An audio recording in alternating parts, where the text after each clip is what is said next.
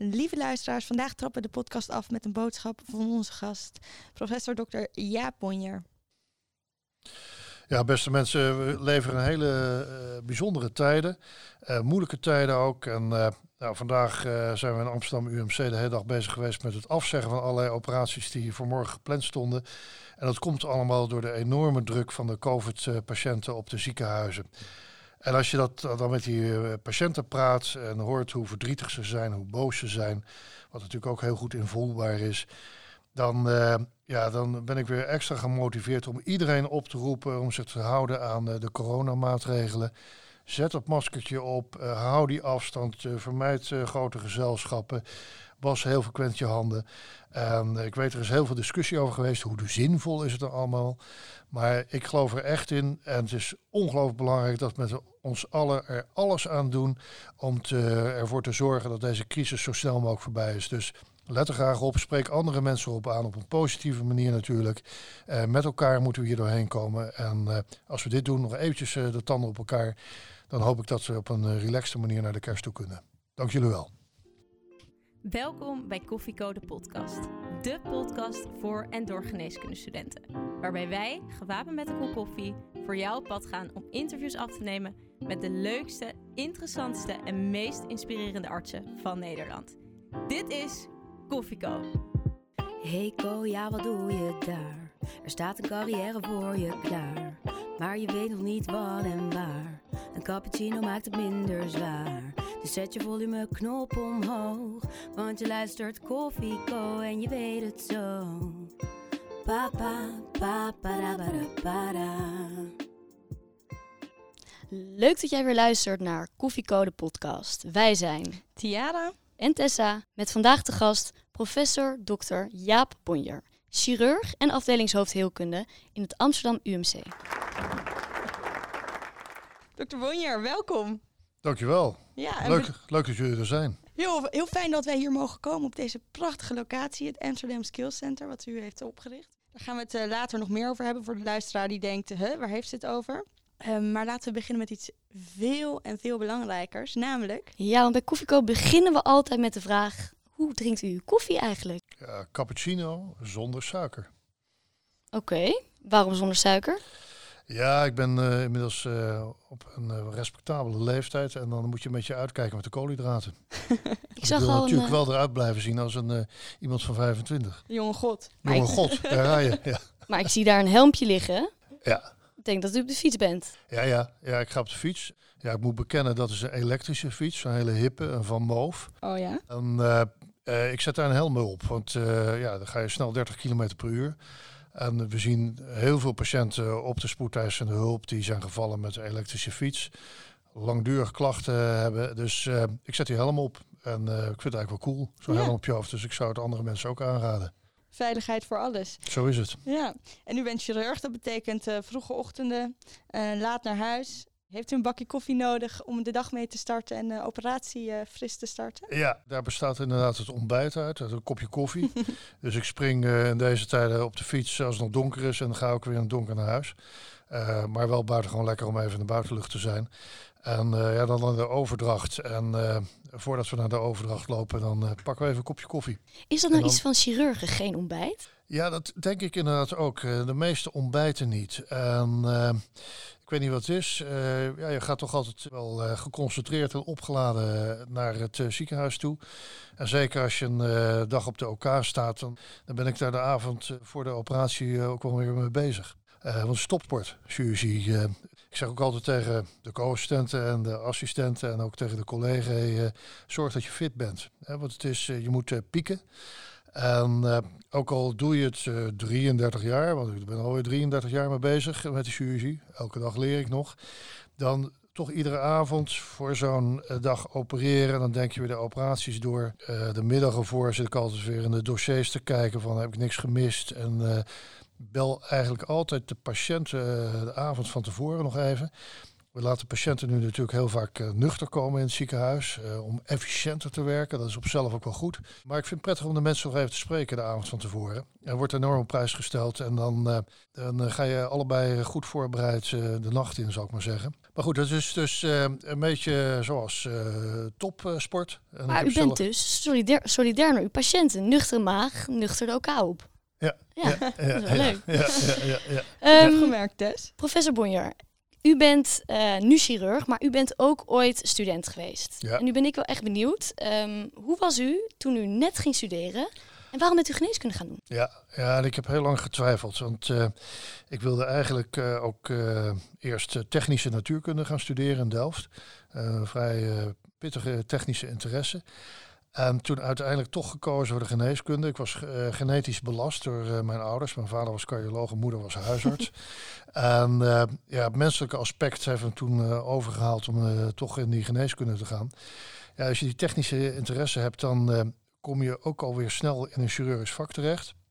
Alhoewel ik twee andere grote interesses had en eigenlijk nog steeds heb. dat waren de psychiatrie en de pathologie. Oh, die vind ik verrassend. Ja, ja vind ik ook verrassend. Ja. Je ziet het vaker bij chirurgen. Uh, pathologie, uh, daar zou ik ook helemaal aan verslaafd kunnen raken. ongelooflijk interessant om naar die koepers te kijken. En steeds verder te zoeken door uh, nog, nog meer kleuringen. En dat beter te begrijpen. Ja, het ontrafelen van het ziekteproces is natuurlijk ook waanzinnig boeiend.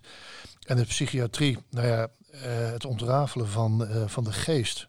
En daar zijn we natuurlijk in wat voor vak je ook mee bezig bent. Uh, uh, daar ja, word je dagelijks mee geconfronteerd. Wat gebeurt er in het hoofd van de mensen? En uh, ja, dus, dat boeit me ook. Ja. ja, dus dat eigenlijk meerdere interesses als geneeskundestudent zijnde en nu. Was u eigenlijk een voorbeeldige geneeskundestudent? Hoge cijfers, op tijd naar college?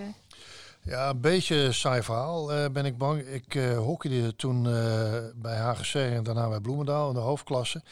En uh, daar trainen we drie, vier keer uh, per week. Dus dat uh, vroeg ook een zekere discipline. Dus qua tijd, de resterende tijd moest ik vooral besteden aan de studie. En ik heb, ja, ik heb de colleges altijd intensief gevolgd. En waarom? Ben ik plichtsgetrouw? Ja, dat ben ik eigenlijk wel. uh, als ik erover nadenk. Maar goed, dat waren nog uh, grootschalige colleges. En ik heb heel veel geleerd van uh, degene die college gaven. En er waren veel patiëntendemonstraties. En dat is denk ik heel belangrijk, ook voor co-assistenten. Je kijkt heel erg naar wat die dokters dan doen. Ja, ik, ik denk daar nog steeds aan terug wat ik daarvan van geleerd heb van die mensen. En uh, dat hou je ook vast in, in de rest uh, van je carrière. Kunt u een voorbeeld geven van iets wat u toen heeft geleerd tijdens de kooschap, wat u heeft gezien, wat u nog steeds in uw huidige werk toepast? Ja, nou ten eerste de omgang uh, van onder andere dokter Kune, een bekend internist in Leiden. Hoe die met de patiënten omging, de hoffelijkheid uh, staan we nog steeds bij. Buitengewoon beleefd, maar ook buitengewoon beleefd tegen alle mensen die eromheen lopen. Dat is heel belangrijk. Goed met de mensen om je heen uh, omgaan. En verder moet ik nog vaak denken aan internisten bij wie ook weer in Leiden, bij wie ik op de poli interne geneeskunde heb gezeten. Dan moest je met de hand nog de brieven schrijven aan de huisarts. En in die brief mocht nooit het woord ik voorkomen. en dat draag ik nog steeds bij me, want ik bestaat niet in de gezondheidszorg. Het gaat om wij. Hè. Dus als iemand zegt, ik heb een operatie gedaan, denk ik, oh, nou, uh, gewoon wat dacht je van alle operatieassistenten, anesthesiemedewerkers, anesthesioloog. Dus daar spreek ik de mensen dan niet plenair, maar wel achteraf op aan. Zeg, zeg nou wij, dat wees inclusief. Super. Wow. Ja. Nou, dat is al meteen een mooie Mooi om in onze zak Mooie te steken. tip, ja. Toen heeft, heeft u de studie afgemaakt en toen heeft u toch uiteindelijk gekozen voor de chirurgie. Waarom? Ja. ja. kijk, er was nog een tijd dat je in dienst moest. En uh, ik uh, ben toen bij de marine gegaan. Ik heb daar als scheepsarts nog een jaar uh, gevaren. was ongelooflijk leuke tijd. Ook wel een spannende tijd als je op zee zat. En een van de opvarenden kreeg problemen. Ik was stafarts voor een verband van uh, zeven schepen. Moest je soms op zee over met een Zodiac. Dus uh, echt wel, uh, ja, wel, wel spannend, wel dynamisch. Maar dan had je eigenlijk alleen maar een stethoscoop en een bloeddrukmeter. En ik kan me herinneren, Chief Petty Officer die op een Engelse mijnenjager voer. Was heftige pijn op de borst. Uh, wat moet je ermee? Dus ja, ik kon natuurlijk een myocardinfarct niet uitsluiten. Ik had geen ECG. Dus toen tegen de commandant gezegd, vaar zo snel mogelijk naar Portsmouth. Gingen die zeven schepen, die gingen toen een volle kracht vooruit naar Portsmouth. Daar zijn we opgehaald door een uh, patrolboot en naar het ziekenhuis. Uh, bleek een pleuritis te zijn, dus geen myocardinfarct. maar dan merk je wel gewoon hoe eng het vak ook weer is. Hè. Je bent de enige, je bent natuurlijk als de dood dat die man doodgaat daar aan boord. En het is een spannend vak wat we hebben. Echt spannend. Maar dat, nu heeft u nog niet de beantwoord waarom je chirurg bent geworden. Nee, dat klopt. Dus dat was het aanloopje. En daarna ben ik naar het uh, marinehospitaal gegaan. En uh, daar assistent chirurgie geworden. Toen dacht ik, toen ik dat zag, ja, dat, dat is het voor mij. Want ze zeggen wel is dat mensen die op jonge leeftijd vaardig met hun handen zijn, dat die meestal voor de chirurgie uh, kiezen. Was dat bij u ook het geval? Ja, heel veel getimmerd en uh, ook veel gesleuteld. Timmeren van mijn vader geleerd. Het uh, sleutelen aan auto's. Uh, kon een Renault 4 ongeveer blind uit elkaar halen. dat heb ik van mijn broers geleerd. Dus ja, die, die technische interesse die, heeft er altijd in gezeten. En daardoor ben ik ook, denk ik, in de laparoscopische chirurgie terechtgekomen. Ja. U bent uiteindelijk terechtgekomen waar u hoort te zijn, volgens mij. Nou ja, ik heb iedere dag nog ongelooflijk veel plezier in mijn werk. En ik heb nooit een dag gehad dat ik met tegenzin naar het ziekenhuis ging. Dus ik denk dat ik op de goede plek terechtgekomen ben, ja. Dat brengt ons weer terug op de chirurgie. Het is een breed vakgebied met allerlei soorten smaken. Ja. Um, kunt u eens kort uitleggen wat die algemene chirurgie inhoudt? Ja, de algemene chirurgie uh, omvat uh, alle onderdelen van de chirurgie. Dus er zit de vaatchirurgie in, uh, de chirurgie van het bewegingsstelsel, ook wel de traumachirurgie genoemd. En er zit de gastro-intestinale, oncologische chirurgie, de kinderchirurgie en de longchirurgie. Nou, dan heb je het ongeveer wel gehad. Oké ja, ontzettend breed. Ja, en zoals uh, alle artsen die u voor zijn gegaan, bent u hier, hier om uw vakgebied uh, te vertegenwoordigen. Ja. Dat doen wij in de specialistenpitch. Dus wilt u aan onze luisteraars pitchen waarom uw vakgebied het allerleukste is? De specialistenpitch. 30 seconden waarin jij de geneeskundestudenten ervan overtuigt om voor jouw specialisme te kiezen. Ja, nou, ten eerste zijn alle vakgebieden natuurlijk waanzinnig interessant. Maar ik wil je wel een land spreken voor de chirurgie. Uh, het is een heel breed gebied. Het is dynamisch. Uh, geen enkele dag hetzelfde. En het is teamwork van A tot Z. En dat maakt het uh, ongelooflijk boeiend. En met de voortschrijdende technologie is ja, iedere dag weer een nieuwe. En die ontwikkeling van die nieuwe technologie, daar kunnen we als chirurg ook een enorme rol in spelen. Dus ja, ik kan het iedereen van harte aanbevelen. Heel goed, heel goed, heel goed. U zegt het een paar keer. chirurgie. Ja, dat Help ons voor eens en voor altijd uit. Ja, dit is er één hoor. Dit wordt altijd. Ja, ja, uh... ja, nee, maar dat is een belangrijk onderscheid. Is natuurlijk chirurgie en geen chirurgie. Uh, is het ook de Leidse uitspraak van chirurgie is natuurlijk chirurgie. Uh, dus ja, dat is het crème de la crème, zegt chirurgie.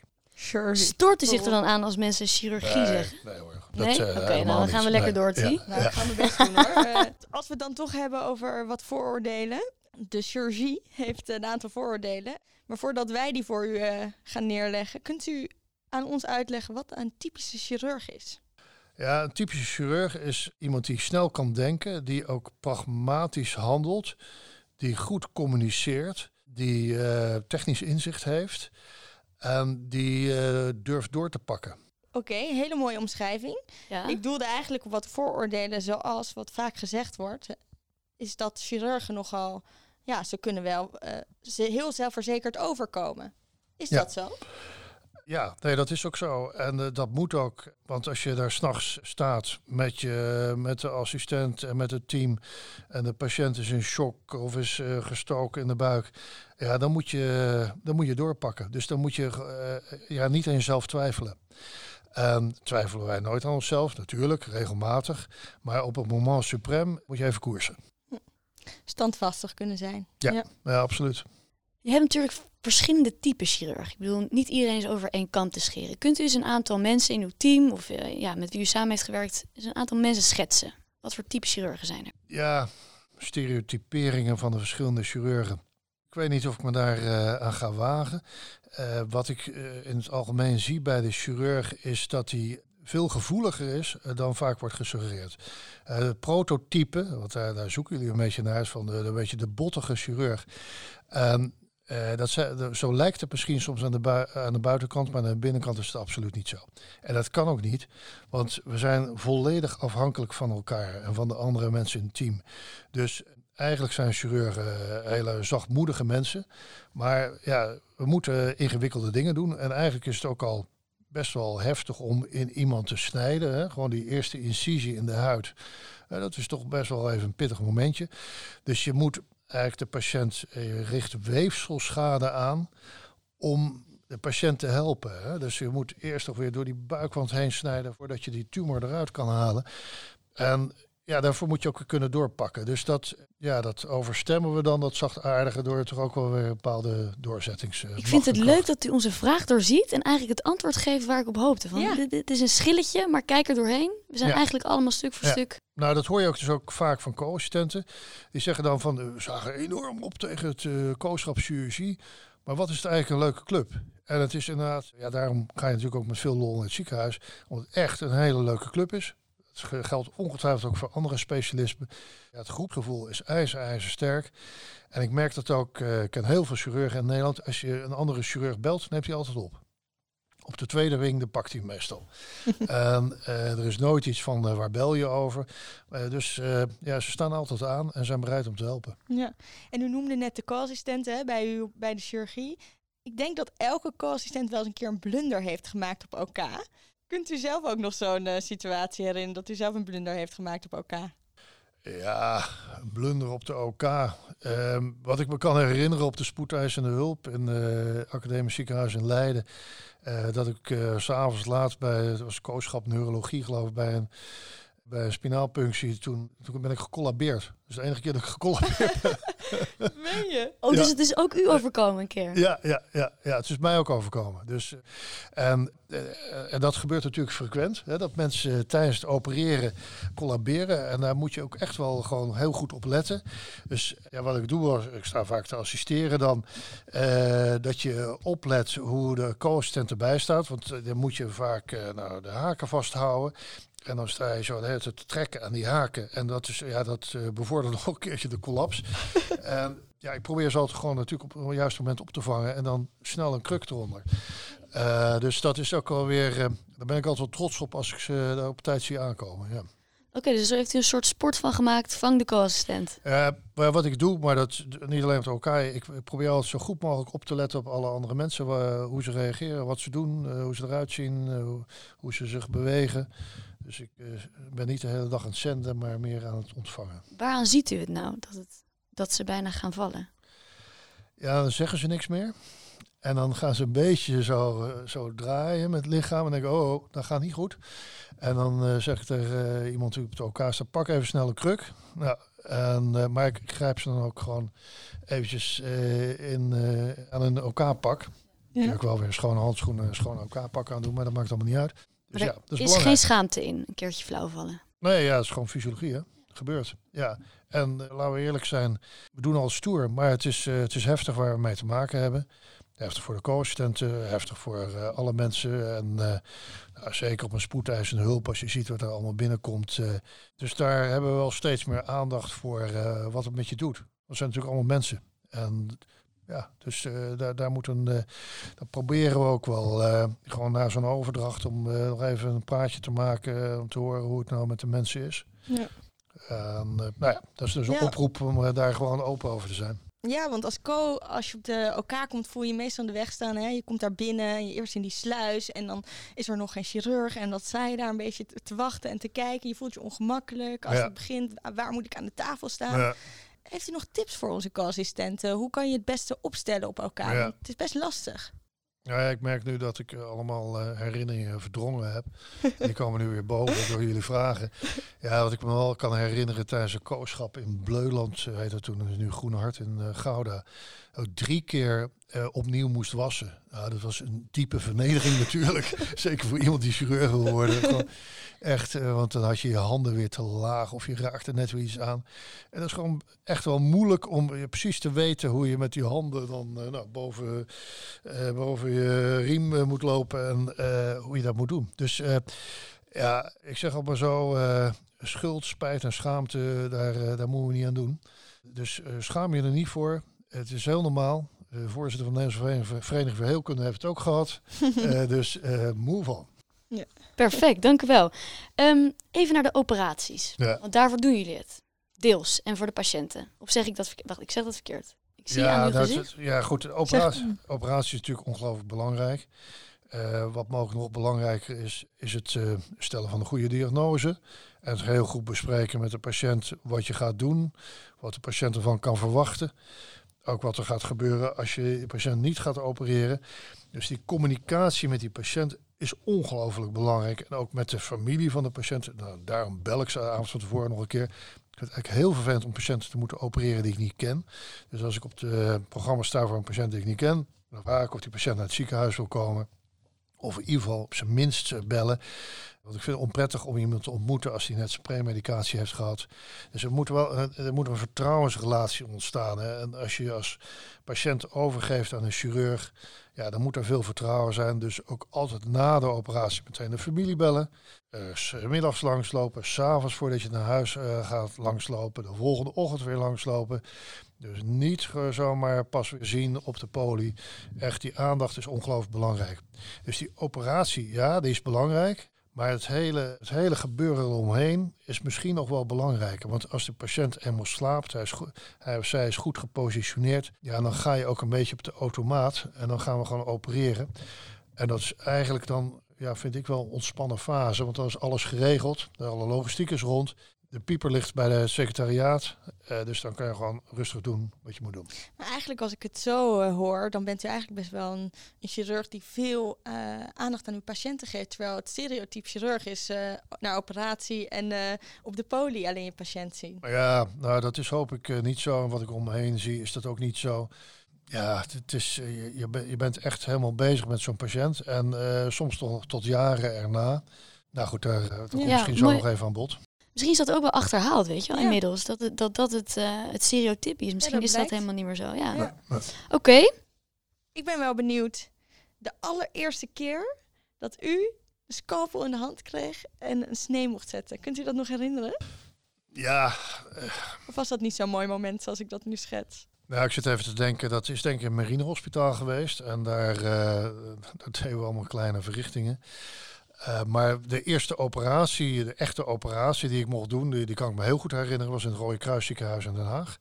En dat was met uh, dokter Hamming, uh, die helaas recent is overleden.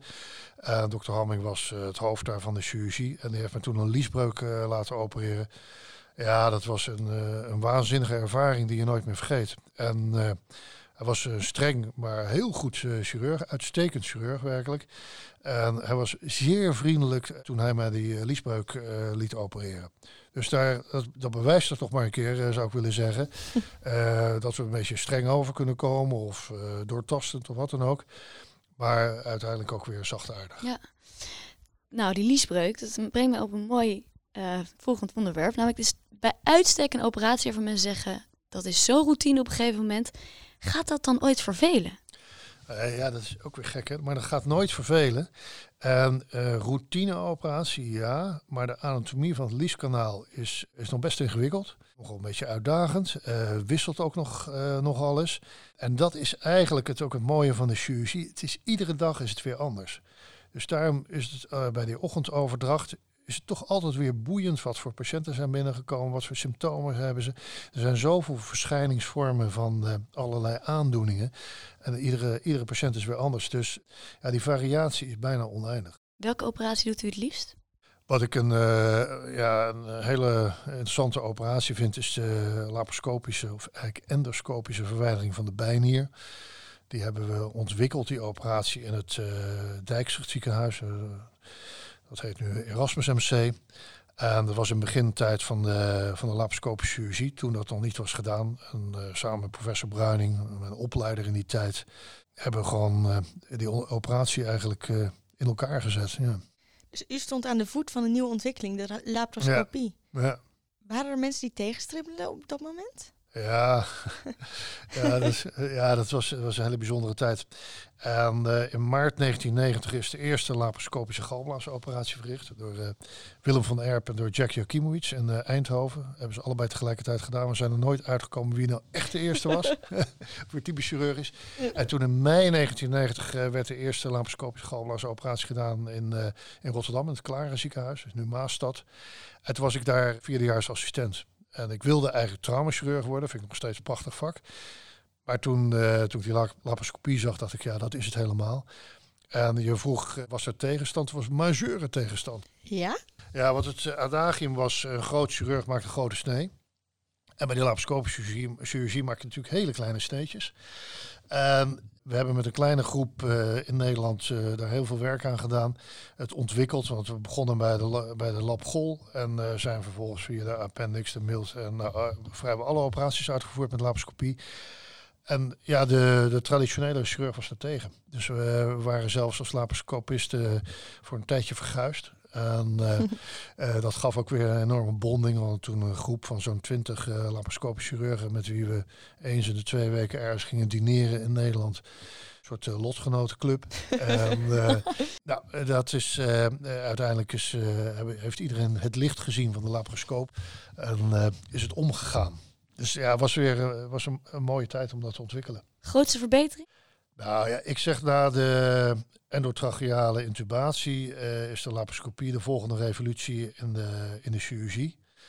En wat er nu, robotica is denk ik de volgende stap. En de beeldgestuurde chirurgie is natuurlijk ook een waanzinnige revolutie. Als je kijkt naar de vaatchirurgie, ja, dat is totaal veranderd. Dat vak uh, van een hele grote snee, uh, van xiphoïd tot het ospubus, gaat nu 80, 90 procent via de lies. Ja, want over die robotica gesproken, het hele vak verandert, zegt u. Ja. Um, Moet je dan nog wel chirurg worden als je geen affiniteit hebt met al die elektronica? Nou, als je helemaal geen affiniteit hebt met technologie, dan, dan zou ik het inderdaad niet doen. Want uh, het is steeds technischer geworden. Dus je moet daar interesse voor hebben. Je moet ook niet uh, geïrriteerd raken als het niet goed werkt. Je, ja, je moet daar wel wat problem solving kunnen doen. Dus ja, je moet daar interesse in hebben. En wat ook van belang is, zeker voor laparoscopische chirurgie, maar ook voor de endovasculaire beeldgestuurde chirurgie, is dat je ja, onderlinge verhoudingen, dat je uh, die goed kan inschatten. Dus uh, ruimtelijk inzicht is van belang. Uh, dus het stereometrisch begrip moet wel moet goed zijn. En als je dus een 2D-beeld niet kan vertalen in een 3D-beeld, wordt het lastig. En hoe oefen je zoiets? Ja, dat is, kan je voor een stukje oefenen. Kan je oefenen voor de laparoscopie op een box. Maar sommige mensen krijgen nooit onder de knie. Sommige, en dat, dat is, zit waarschijnlijk in het cerebellum, uh, weet jullie waarschijnlijk beter. Maar, er zijn mensen die geen diepte-inzicht hebben. Ja, die kunnen dit niet doen. Nee, dan wordt het heel lastig. En ook voor de chirurgie is het van belang dat je de juiste vlakken ziet. De juiste scheidingsvlakken. En dat je weet hoe je tractie en contratractie op de weefsels moet zetten. Dus je hebt wel een beetje techniek, je moet wel een beetje, nou, ik zou bijna zeggen, gevoel voor de bal hebben. Om uh, de juiste vlakken te kiezen. En als je iemand ziet die echt een uh, natural is, ja, dan lijkt het allemaal heel makkelijk te gaan. En die, die opereert in de goede vlakken. Eén vraag nog voordat we op die natural ingaan, want dat is wel leuk om het over te hebben. Is het niet zo dat als je dat het eigenlijk het ouderwetse chirurgenvak met de handen in de buik, dat dat een beetje aan het verdwijnen is? Ja, zeker zo. Ja, en uh, met de handen in de buik en dan voelen waar de vaten lopen en voelen waar uh, de afwijking zit. Dat is helemaal voorbij. Dus je moet echt. Uh, het oog is veel belangrijker geworden dan de hand. En sommige mensen denken dat chirurgie een, ja, een vaardigheid is van de handen. En wat ik vaak zeg is, is een, voor 25% een vaardigheid van de handen en voor 75% een vaardigheid van het oog. Het gaat om beeldherkenning, gaat om herkenning van de anatomische referentiepunten, gaat om herkenning uh, van de vlakken. Dus die ogen moeten getraind worden. En we kunnen allemaal heel goed knippen zoals we hier aan tafel zitten. Maar waar moet je nou precies knippen? En hoe span je het weefsel dan op? En hoe diep knip je? Ja, dat is een gevoel, uh, vingerspitsengevoel, wat je moet ontwikkelen. Ja, dus het, het gezegde, je kan een aap leren opereren, dat geldt eigenlijk niet. Nee, ik vind dat het, dat dat niet geldt. Wat ermee bedoeld wordt dat je altijd wel een bepaald niveau kan bereiken. Maar ik denk dat technisch de chirurgie ingewikkelder is geworden. Ook de vaatchirurgie is denk ik technisch uh, moeilijker geworden. Als je die, die guide wires, als je die niet kan volgen op zo'n beeldscherm, ja, dan wordt het heel moeilijk. Dan kan je eigenlijk geen vaatchirurg meer zijn. En als je als GE-chirurg uh, niet goed op een beeldscherm kan kijken en dat vertalen in een 3D-beeld, wordt het ook moeilijk. Dus open opereren is toch makkelijker dan scopisch. Ja. Oké. Herkent u ze nou, die naturals? Ziet u het meteen? Ja, ik, en dat klinkt heel gek, maar tijdens het afdekken heb ik al door of iemand het kan of niet. En dat is een, ja, het is een bepaalde fluide, maar het is ja, ook waar je, waar je, waar je de doeken plakt, hè, dat, dat, dat geeft alweer weer dat je, dat je weet wat je gaat doen. Dus nou, gewoon, eh, als je, de, als je de OK opkomt, eh, ik ga eerst kijken naar de patiënt, hoe ligt die? En dan eindeloos de patiënt positioneren en, de, en dan de, de, de, lampen goed zetten en de pedalen goed zetten. Je hebt sommige mensen die gaan meteen naar de wasbak. Dan denk je, ja, hoe kan het? Gewoon, Want die patiënt moet goed, je moet alles voorbereiden. Wat ik ook altijd doe is uh, heel goed kijken naar alle instrumenten. Vaak ook de dag van tevoren. Uh, echt wel een beetje dwangmatig wat dat betreft. Zijn alle disposables er. Uh, ik weet precies waar alles ligt in de kast. Dus ehm, als mensen dat hebben, dan denk ik, ja, die, die zitten er echt goed in de wedstrijd. En, dus ik heb, het, ik heb het heel snel door. Ziet ja. het ook wel eens een co-assistent? Ja, bij co-assistent heb je het ook door. gewoon hoe ze assisteren. Als ze iets moeten knippen, dat ze dan dat ze gewoon toch de sequentie van de operatie, dat ze die aanvoelen. Dus er zit wel iets van uh, ja, intuïtie bij. Ja. ja. En voor de rest is het dus heel veel oefenen. En uh, dat brengt ons bij een uh, nieuw onderwerp. Namelijk de locatie waar we zitten, waar ik in het begin al een kleine introductie over deed. Ja. Het Amsterdam Skills Center. Oh ja. Wilt u ons uitleggen waarom u dit op heeft gezet? Ja, dat komt eigenlijk door de laparoscopische chirurgie. Uh, niemand kon dat. We moesten dat op de patiënt uh, leren. Eigenlijk heel bijzonder. Als je nou vergelijkt met de luchtvaart, uh, dat leer je op een simulator. En toen dacht ik, ja, dat is toch eigenlijk te gek voor woorden dat we dat allemaal on the job moeten leren. En moeten naar training off the job. Dus in uh, Rotterdam hebben Steven Halvius, hoogleraar plastische chirurgie, uh, en ik daar het initiatief, to initiatief toegenomen. Nou, dat nog een keer herhaald in Halifax en nu in Amsterdam. Ja, en wat is het Amsterdam Skills Center? is een, uh, een ziekenhuis, een oefenziekenhuis voor alle zorgprofessionals. Met twaalf operatietafels, drie collegezalen, waar we procedures kunnen oefenen met elkaar als team. En wat uh, het doel is dat als een team de OK op gaat of uh, de katkamer uh, of een andere procedure gaat uitvoeren, dat dat team volledig geoefend is als ze het veld op gaan. Nou, we zeggen allemaal chirurgie is topsport, daar ben ik het volledig mee eens. gezondheidszorg is topsport. In de topsport moet je heel veel trainen, dus in de zorg moeten we dat ook doen.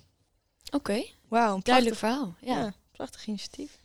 Er roept meteen een vraag bij mij op. Waarom, want wat, het voegt dus uh, learning of the job toe. Hè? Ja. Betekent dat ook dat je dan de opleiding kan inkorten? Ja, nou, als je nadenkt over de opleiding uh, tot, uh, tot chirurg. hoe lang duurt het voordat iemand die de middelbare school heeft afgemaakt tot die chirurg is? Dat duurt 14 tot 15 jaar.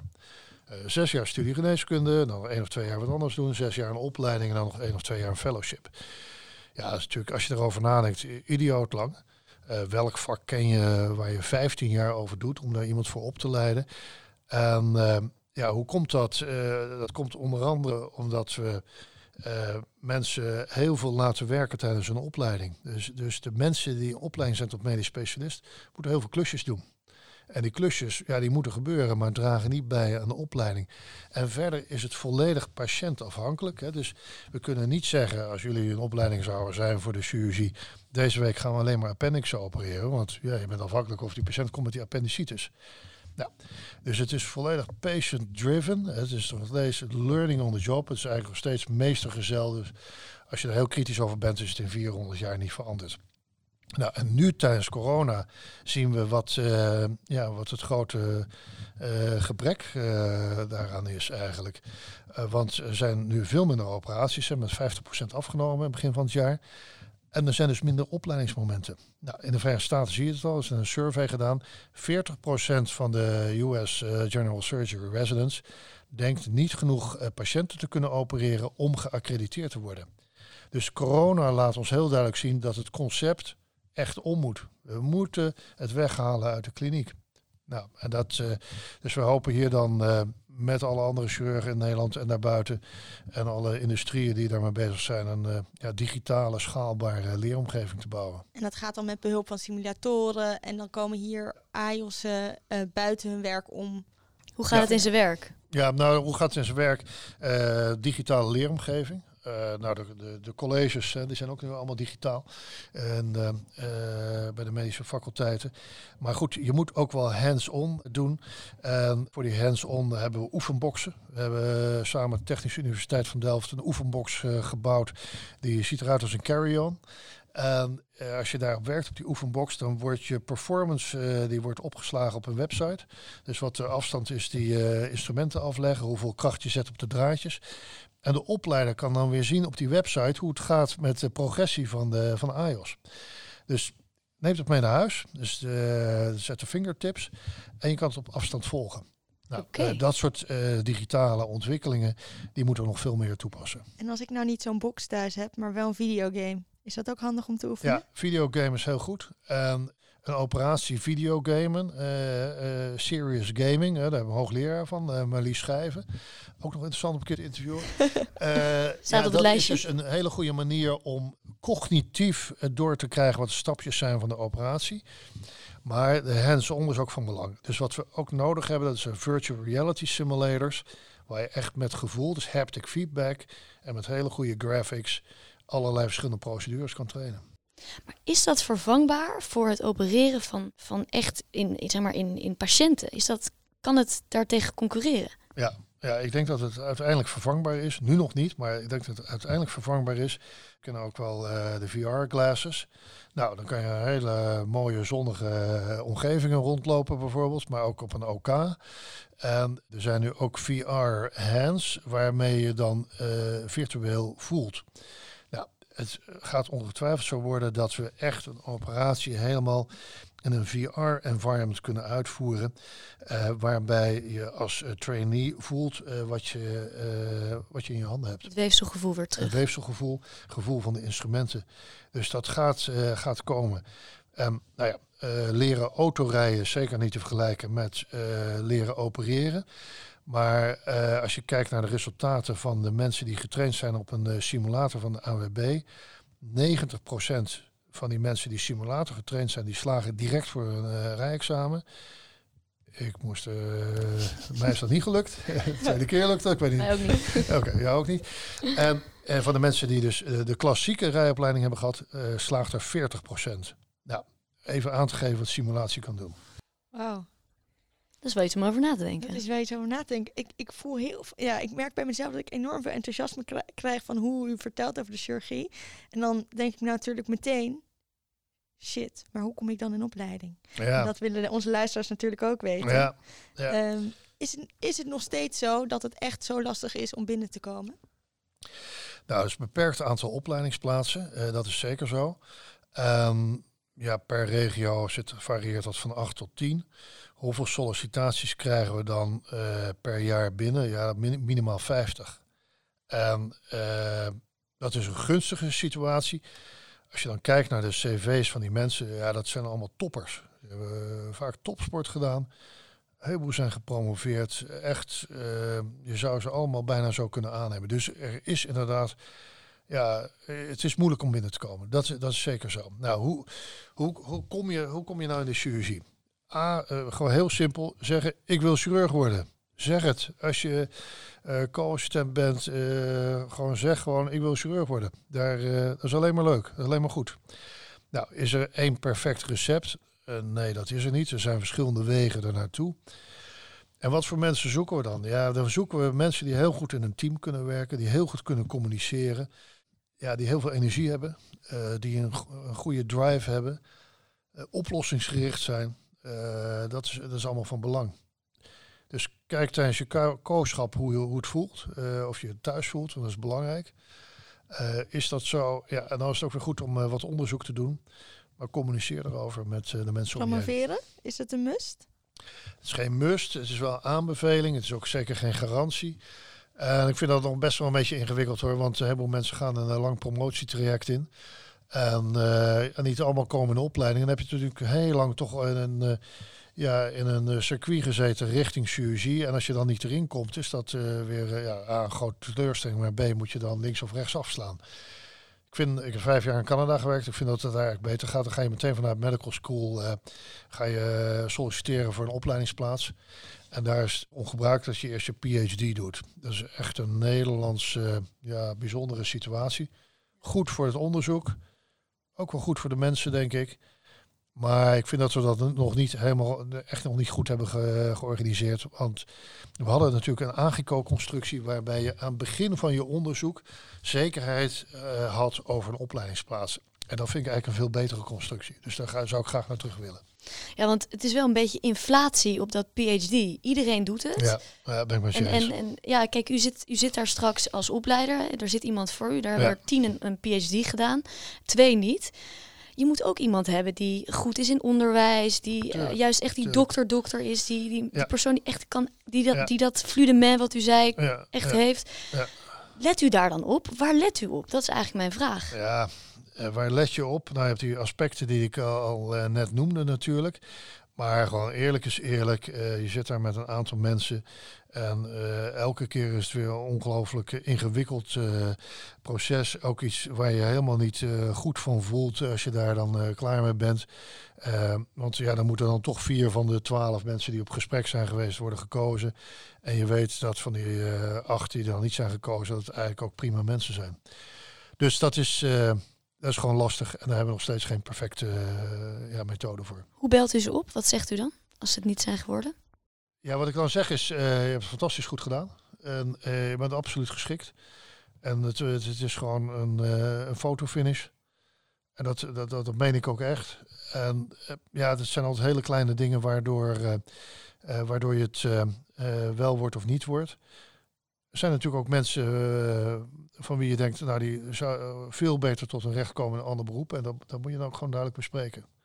Maar gewoon nog niet via de telefoon. Nee. Oké. Dus een beetje geluk en, eh, Ja, eh, en heel hard werken. Dan, kun, dan kunnen we er Ja. misschien komen. Ja, maar eh, d- bedenk meteen, hè, want we kijken altijd naar Nederland. Nederland. In Frankrijk en de Verenigde Staten kunnen de opleidingsplaatsen niet worden gevuld. In Canada heb je ook nog een goede kans om binnen te komen. Dus wil je echt chirurg worden, en om een of andere reden lukt dat niet. Kijk eh, over de grenzen. Kijk verder, ja. Ik heb nog één punt wat ik wel graag met u zou willen bespreken. Ehm, en dat is namelijk het beeld wat u al even schetste van oké, je komt binnen als chirurg, je bent klaar, je bent 15, je, hebt een fellowship, fe- je bent 15 jaar bezig, je hebt een fellowship gedaan. De jonge klaren Ja. die zich opstapelen. Ja. Wat gaat daarmee gebeuren? Ja, eh, echt een groot probleem. We hebben veel over gesproken de afgelopen eh, maanden. Eh, er zijn heel veel mensen op zoek naar een baan. En wat gaat ermee gebeuren? Wij denken nog steeds dat het juiste aantal mensen is opgeleid. Dus dat uiteindelijk iedereen toch een baan gaat vinden. Maar het is een, het is een ingewikkeld probleem. wat, ze, wat we niet zomaar opgelost krijgen. Heeft u iets van een oplossing in gedachten? Nou, ook tegen hen zeg ik, kijk naar het buitenland. Eh, kijk naar Defensie. Defensie gaat het aantal medisch specialisten eh, uitbreiden binnenkort. Dus dat is ook eh, zeker een optie. Denk nog eens een keer heel goed na. is de chirurgie echt wat je wil? Of wil je als chirurg kan je natuurlijk ook andere beleidsmatige banen zou je kunnen ambiëren. Dus er zijn nog wel wat andere mogelijkheden. Het zou heel goed zijn als een paar chirurgen in de Tweede Kamer gingen zitten. Eh, maar goed, ik begrijp als je die opleiding hebt gedaan dat je ook gewoon eh, eh, het veld op wil en de chirurgie wil doen. Dus dat eh, is een moeilijke situatie, He- heeft onze volle aandacht, maar we hebben nog niet opgelost. De co-telefoon. Professor Boeijer, de co-telefoon, dat is een, een vraag ingestuurd door een van onze luisteraars. Ja. Speciaal nu. Eh, dit keer van Pieters. Ehm, waar ziet u kansen om het opleiden van nieuwe chirurgen te verbeteren? Nou, ik zie, eh, waar we het net ook al over hadden, heel veel kansen om eh, die opleiding, eh, daar moet ik wel van zeggen, die al veel beter is dan de tijd dat ik opgeleid werd. Ik, vind de kennis van de huidige AIOS eh, duidelijk beter. Ja, communicatieskills zijn ook veel beter. De, de studie geneeskunde wordt daar veel meer aandacht aan besteed. Echt anders dan eh 30 jaar geleden. Ja, waar kan die opleiding nog eh, worden verbeterd? Dat is gewoon trainen voordat je eh, die operatie doet. Zodat je echt al vaardig bent en weet wat je te wachten staat als je die OK gaat. Maar ook trainen voor eh, de polykliniek, trainen voor allerlei klinische situaties. in een gesimuleerde, niet patiëntgebonden omgeving. Want in de omgeving waar we nu onze mensen trainen zit altijd heel veel druk. Werkdruk, logistieke druk. En als je iets echt goed wil leren, moet je dat in een rustige omgeving doen. Zonder interferentie van eh, alle externe factoren. Ik ben heel, heel erg benieuwd, want u leidt nu zelf artsen op hè, met, met het Skill Center. Ehm, eh, wat voor rol had uw opleider voor uw eh, ontwikkeling? Ja, zeer groot. Die, die opleider is je voorbeeld. En ik heb verschillende opleiders. In het Klare ziekenhuis en Dijkgraaf ziekenhuis. Een stukje geschreven voor het Nederlands Tijdschrift voor Heelkunde. Daarin ook de opleider dokter Van der Nesten geciteerd. En wat ik van, van hem heb geleerd is eh, hoe je omgaat met complicaties. Want het is, daar hebben we het nog niet over gehad. Is het allemaal roze geur en maneschijn in chirurgie? Nou, absoluut niet. Want eh, operaties eh, zijn soms heel moeilijk. En de, de uitkomsten van de operatie zijn ook zeker niet altijd zo als je hoopt en verwacht. Ja, er treden ook co- complicaties op ten gevolge van eh, ja, technisch niet helemaal perfect uitgevoerde procedures. Dus dat is heel confronterend. En eh, hoe ga je daarmee om? Eh, hoe, hoe ga je dan de volgende dag weer naar die OK? Nou, daar heb ik eh, van mijn opleiders veel van geleerd. Die waren eigenlijk al bezig met de blame-free environment uh, avant la lettre. En ja, dokter Van der Nesten zei al tegen mij, maak maar een complicatie die ik nog nooit heb gehad. dus dat, dat helpt dan als je weet dat anderen dat ook hebben gehad. Ja, en professor Jekel eh, in het Erasmus eh, MC Dijkzicht toen nog. Ja, die, eh, dat is een schoolvoorbeeld van positiviteit. Professor Bruining, een andere opleider van ongebreidelde energie, altijd maar doorgaan. Dus die mensen die zijn eh, super belangrijk. Die, die zitten ook in je DNA als je en klaar bent. En dat, ja, dat vormt je. Wat voor opleider bent u voor uw AIOS? Ja, dat is moeilijk. Eh, Ik hoop dat ik eh, een toegankelijke opleider ben en eh, dat ik ze kan inspireren en ook steunen in het leren van een heel ingewikkeld maar prachtig vak. Maar goed, die vraag moet je natuurlijk eigenlijk aan de AIOS stellen. Wat doet u nou als een AIOS bij u komt en die heeft het echt zwaar, lastig? Waar komen ze dan mee en hoe helpt u ze? Ja, dat varieert enorm. Wat belangrijk is dat, ze, dat de AIOS weten dat ze je altijd kunnen bereiken. Dat ze je altijd kunnen bellen, appen, mailen of wat dan ook. Dus waar je voor moet waken dat je een of andere ingewikkeld eh, bezoeksysteem hebt. eh, doordat het secretariaat eh, je afsluit voor je AIOS. En dat geldt ook voor de studenten. Dus we proberen een hele vlakke hiërarchie zo open mogelijk neer te zetten. Zodat mensen zich vrij voelen om naar je toe te komen en eh, problemen als die er zijn met je te delen. En daar leg ik ook vaak de nadruk op van als er ergens een probleem is, eh, we zitten echt in een hele complexe organisatie. Bel op, eh, hoe sneller we erbij zijn, eh, des te eerder we kunnen regelen. Als er een patiënt is met een klacht, en dat kan soms heel heftig zijn, eh, neem zo snel mogelijk contact op met een van de stafleden en pak het op. Dus die telefoon aannemen, waar we het al eerder over hadden, ja, die, die heb je altijd bij je en die pak je gewoon op. Ja. Eh, u heeft het steeds over de telefoon oppakken. En een van de dingen die ook, eh, die ook vaak voorkomt als uh, chirurg zijn de diensten. Waarbij je constant uh, apparaat moet staan aan de telefoon. Heeft u één mooie, memorabele dienst die u met de luisteraar wil delen? Dat is, uh, daar moet ik even heel goed over nadenken. Die, dat had ik van tevoren niet bedacht. Maar Hij is misschien heel diep. Ik dacht, misschien is er Ja. iets naar boven Nee, maar wat, wat belangrijk is in die dienst, dat je, A, dat je bereikbaar bent. En daar wil ik wel eventjes over zeggen, Ja. over telefoon opnemende dienst. Eh telefonische geneeskunde bestaat niet. Dus het is bij de geringste twijfel eh, moet je gaan kijken, vind ik, als eh, achterwacht. Eh, dus eindeloos maar doormelken over die telefoon. Dat heeft geen zin. En wat ik de assistenten altijd eh, uitleg, ik hoop dat ze dat ook doen. Ik zeg, als je nou wordt gebeld door verpleegkundige van de afdeling, stel ik altijd maar één vraag. Ik zeg, goed dat je belt. Kunnen we het door de telefoon af of wil je dat ik langskom? Nou, zeker voor verpleegkundigen is het vaak een, hobbel om te vragen aan een eh, dokter of die langskomt. En ja, die vraag die stel ik ook vaak tijdens de dienst. Als ik een heel lang verhaal en zeg, wil je even dat ik kom meekijken? Nou, en dan, dan, dan hoor je wel hoe het zit. En eh, het meekijken, het zelf naar even die patiënt zien. Als je ervaring hebt, heb je in een minuut heb je door wat er aan de hand is. Dus die klinische blik die is echt van belang. Het is ook belangrijk, vind ik, dat wij als medisch specialisten gewoon tijdens de dienst in huis komen.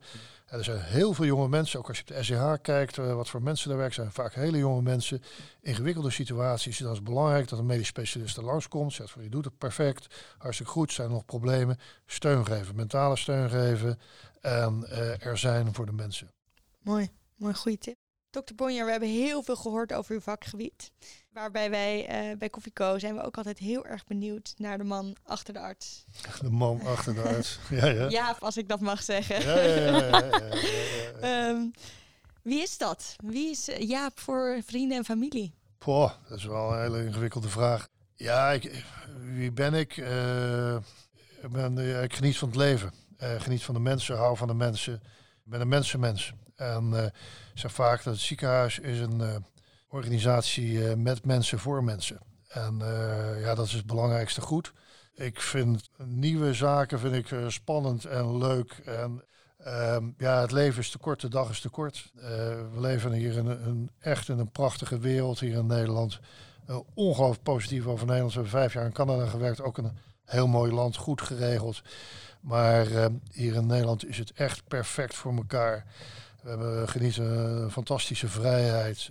En ja, laten we daarvan genieten en daar, die ook goed benutten met elkaar. Mooi gezegd.